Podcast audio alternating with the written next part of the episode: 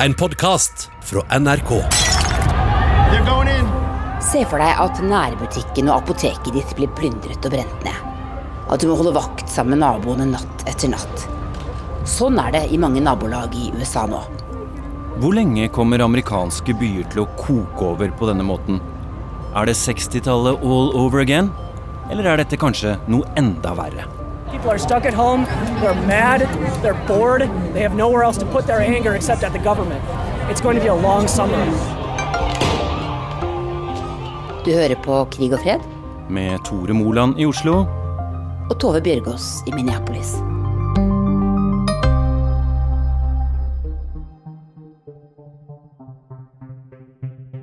Tove, nå har du havna midt oppi det igjen.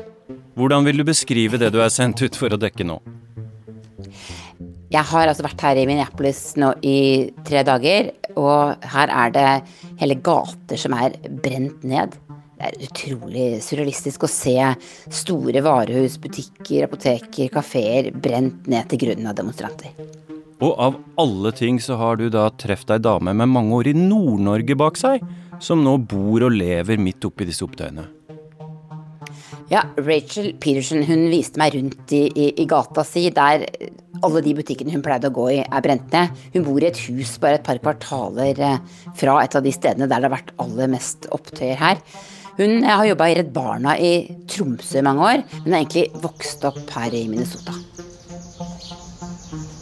Walgreens er en, um, det er en sånn apotek, litt mat, um, ting man trenger, liksom såpe, body wash, sjampo. Walgreens ble tent på halv sju på fredag eller lørdag, det går litt sånn i sur, men tidlig på dagen. Eh, Jeg var faktisk ute og gikk tur med søstera mi, og mens vi gikk, var det faktisk eh, Walgreens som holdt på å bli totalt ødelagt, og nå er den borte. Mitt navn er Rachel Peterson. Jeg har um, bodd i Norge, eh, i Tromsø, fra 2005 til 2013, og altså et, år i Alta. Um, bor nå i Minneapolis. er født her, vokst opp i Duluth, Minnesota, og jobber um, med barn og ungdommer. Rachel, eh, fortell eh, hvor vi sitter nå.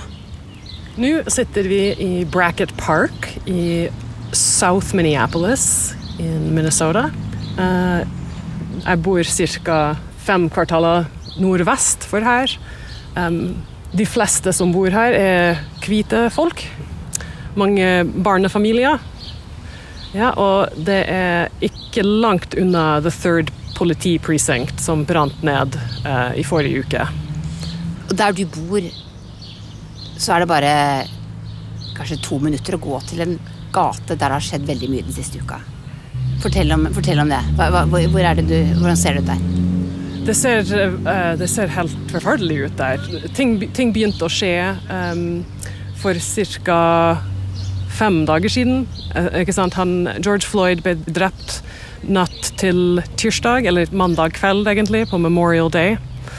Um, tirsdag var ganske rolig, men, eh, med, med protests, selvfølgelig. Folk var ute og protesterte.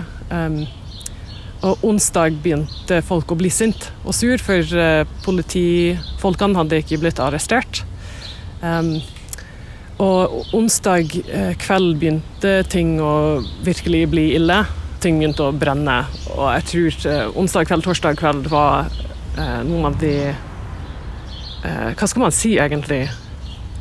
Um, mest skremmende periode i mitt liv, kan jeg si. Veldig mye usikkerhet.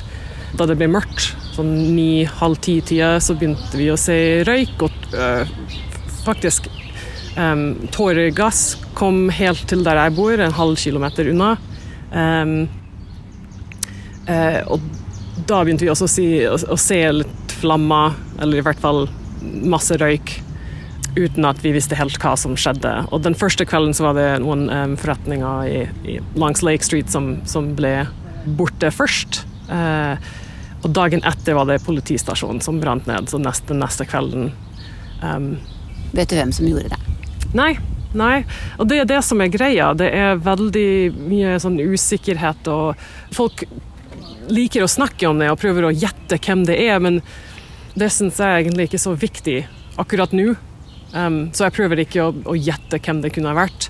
Uh, vi vet at det er hvite folk som kommer hit fra andre steder. Vi vet ikke helt hvor mange og hvor nøyaktig de kommer fra.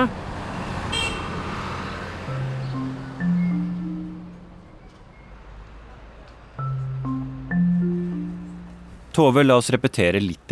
Hva var det som skjedde med George Floyd, denne svarte mannen, som gjør at uh, bråket braut løs i Minneapolis denne gangen? George Floyd han hadde visstnok brukt en pengeseddel som politiet mente var falsk. Han ble stanset av politiet, eh, dratt ut av bilen sin som sto parkert utenfor en bensinstasjon, eh, og så ble han altså lagt i bakken av eh, fire politimenn. En av politimennene holdt nakken hans nede med kneet sitt. Og det store spørsmålet er i hvor mange minutter gjorde han det? Ni minutter, mener advokaten til familien til George Floyd at det var. Og mens han gjorde dette, så, så ropte George Floyd at han ikke fikk puste. Etter hvert så ropte han på moren sin. Og så døde han. det som skjedde med George Floyd, um, var mord. Uh, og det har kommet frem også fra uh, obduksjonsrapporten at uh, oksygenmangel, som er sånn litt rart måte å si at han ble uh, hva det heter, kvalt. Kvalt, ja. Mm. Alle, jeg tror alle, når de ser den videoen Jeg har aldri hørt om noen som har sagt ja, kanskje politimannen hadde grunn til ikke sant? Alle ser på den videoen og, og, og, og vet ved 100% sikkerhet at det der var mord. Det har vært mye snakk denne uka om at det har vært lenge mistillit mellom politiet i Minneapolis og svarte ungdommer. Hva, hva er det som er historien her? Jeg har faktisk ringt politiet et par ganger siden jeg flyttet til Minneapolis i 2013 fordi det var noe mistenkelig eller um, noe som jeg mente at de kunne hjelpe, ikke nødvendigvis meg med, men hjelpe i den situasjonen som, som foregikk. Jeg tenkte aldri på at liksom, det kunne vært problematisk. Men for um, mine uh, medborgere som er svarte og brune, um, and other people of color, så er det, det er ikke det samme de stoler ikke på politiet, for det har vært uh, så mange tilfeller med, um, med vold og brutality, police brutality, mot people of color, svarte og brune folk i, i ikke bare Minneapolis, men i St. Paul og i um, Miami og Chicago og Los Angeles, overalt. Hvorfor det? Hvorfor skjer? Altså, hva, er, det er det et veldig hvitt politikorps her i i, i Minneapolis, handler det om hvilken hudfarge politifolkene har, eller hva handler det om, tror du? Det er historisk, tror jeg. Det er veldig, sånn, veldig uh, systemintegrert, um, og har vært det i mange år. At det er, og jo, de fleste politifolkene i Minneapolis er hvite menn.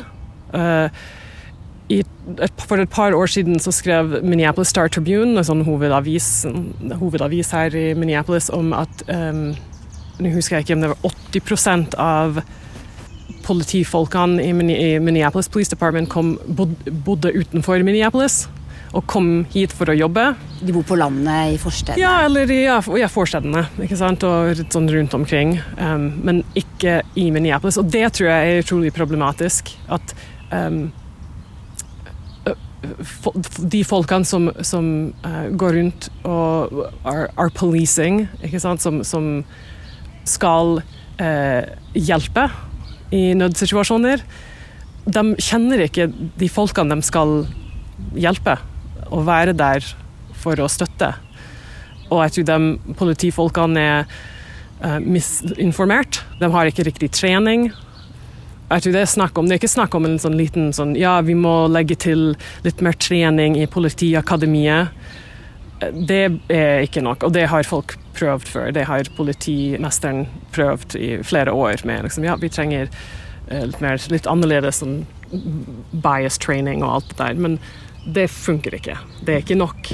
Så det vi hører fra uh, samfunnsledere i de svarte og brune um, communities, er at det vi må starte på fra scratch. 100% fra scratch i, i, Minneapolis og andre steder. Og uh, fra bunnen av å bygge opp uh, ikke nødvendigvis uh, et nytt politi, men noe annet.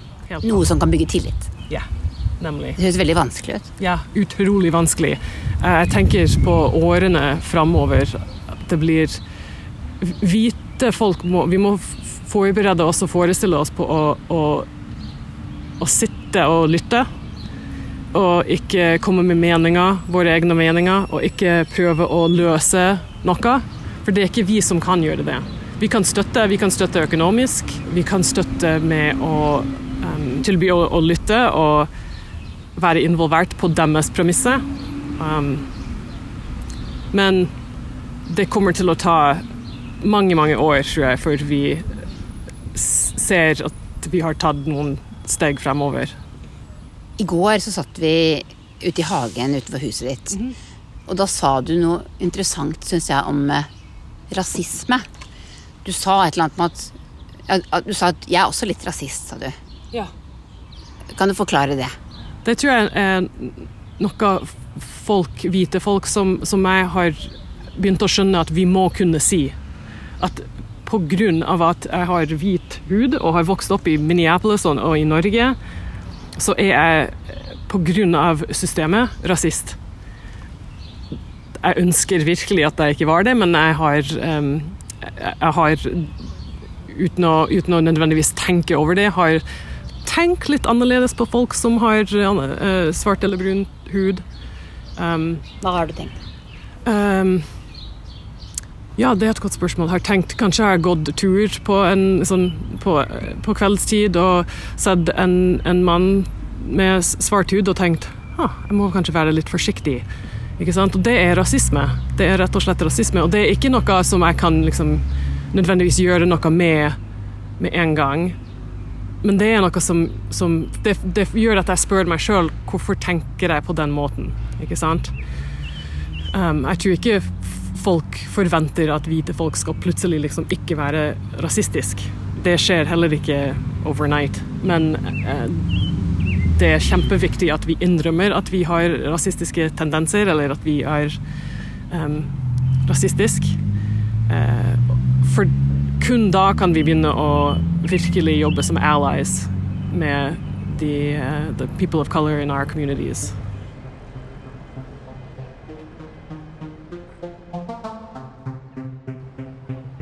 Some of the worst trouble of the day occurred in Washington, D.C., the very heart of the nation. Tove, hva slags historie har disse opptøyene egentlig? Det snakkes ofte om somre på 60-tallet her. Hva var det som skjedde da? Er det noe lignende som skjer nå? På 60-tallet var det veldig mye uro i USA pga. Vietnamkrigen eh, bl.a., men også pga. borgerrettskampen til eh, de svarte i sørstatene, som pågikk egentlig gjennom 60-tallet. Eh, og i 1968 eh, så ble Martin Luther King drept. Martin Luther King Jr. was killed tonight in Memphis, Tennessee. Og han var en veldig viktig borgerrettsleder, den kanskje viktigste borgerrettslederen USA har hatt. Og etter at han ble drept, så brøt det ut noen voldsomme opptøyer i mange byer, ikke minst i den amerikanske hovedstaden, som pågikk i ukevis, månedsvis.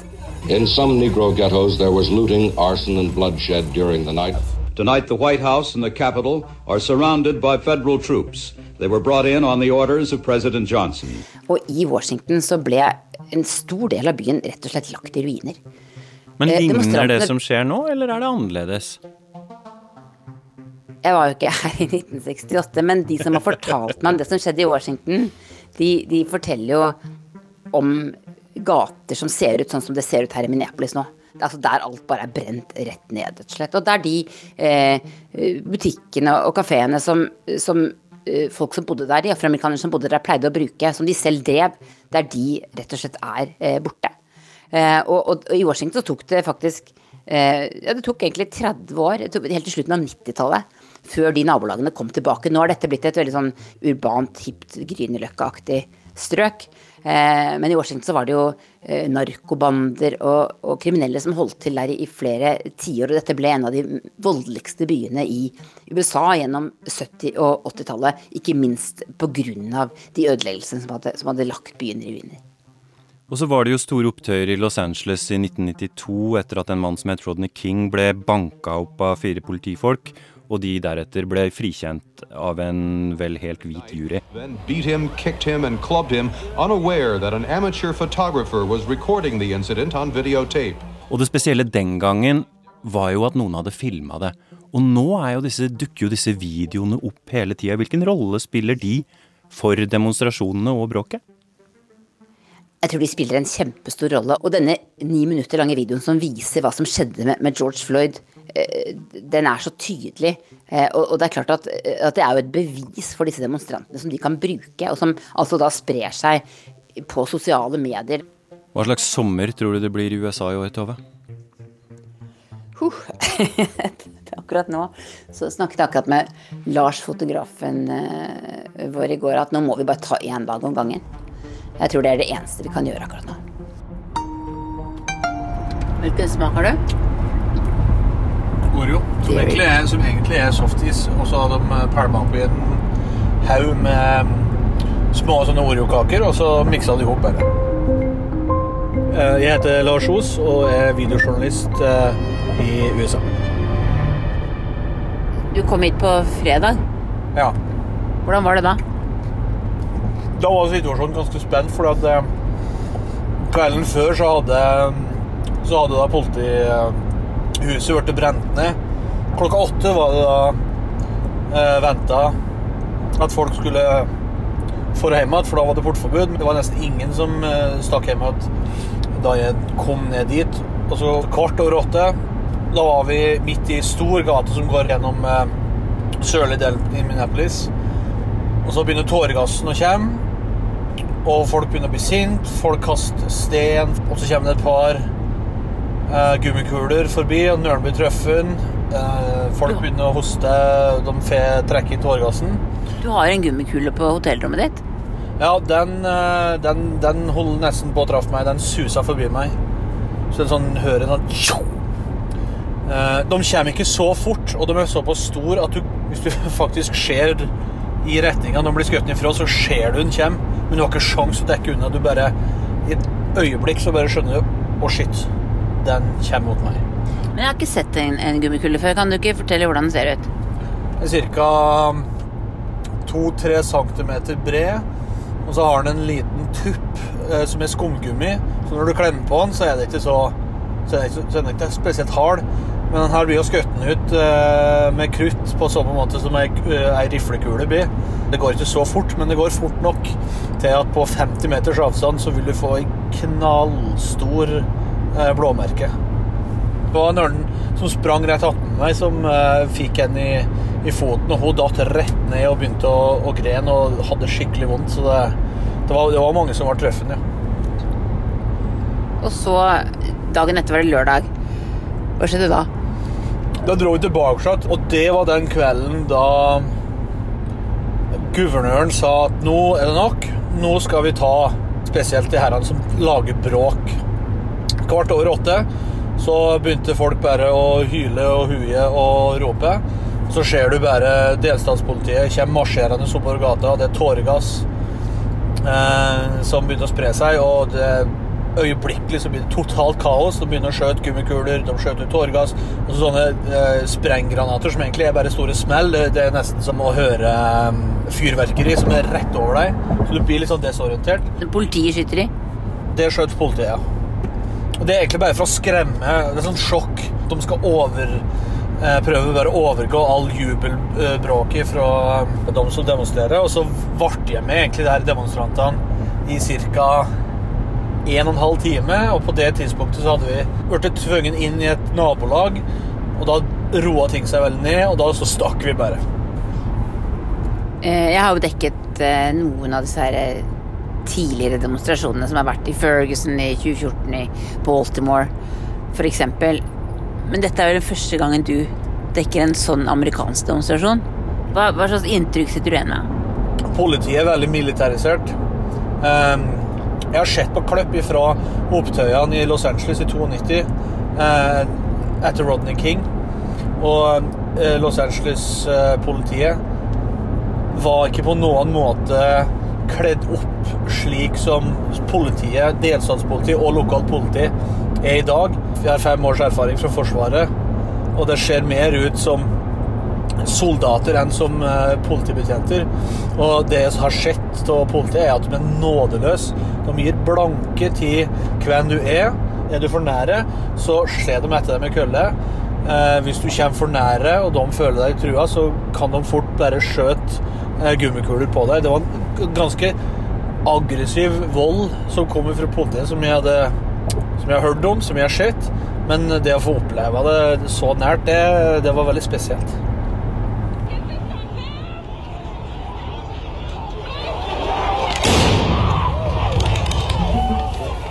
Tove, mens du dro fra Washington til Minneapolis, så gikk president Donald Trump nærmest med Bibelen under arma til ei kirke som ligger nær Det hvite hus, og erklærte at han gjerne sender inn hæren for å rydde opp.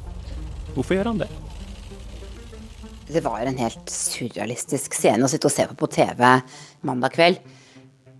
Jeg har vært veldig veldig mange ganger utenfor Det hvite hus. Det er det sikkert mange som har vært på den plassen rett foran Det hvite hus der folk pleier å demonstrere.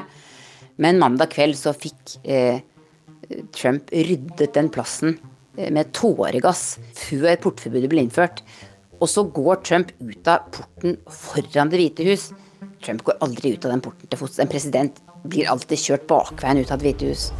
Sammen med en liten delegasjon spaserer han mellom to rekker av militærpoliti med skjold over den plassen til en liten kirke som heter St. Johns episkopale kirke, som ligger altså rett over gata fra Det hvite hus, og som hadde blitt delvis skada i demonstrasjonene et par dager før.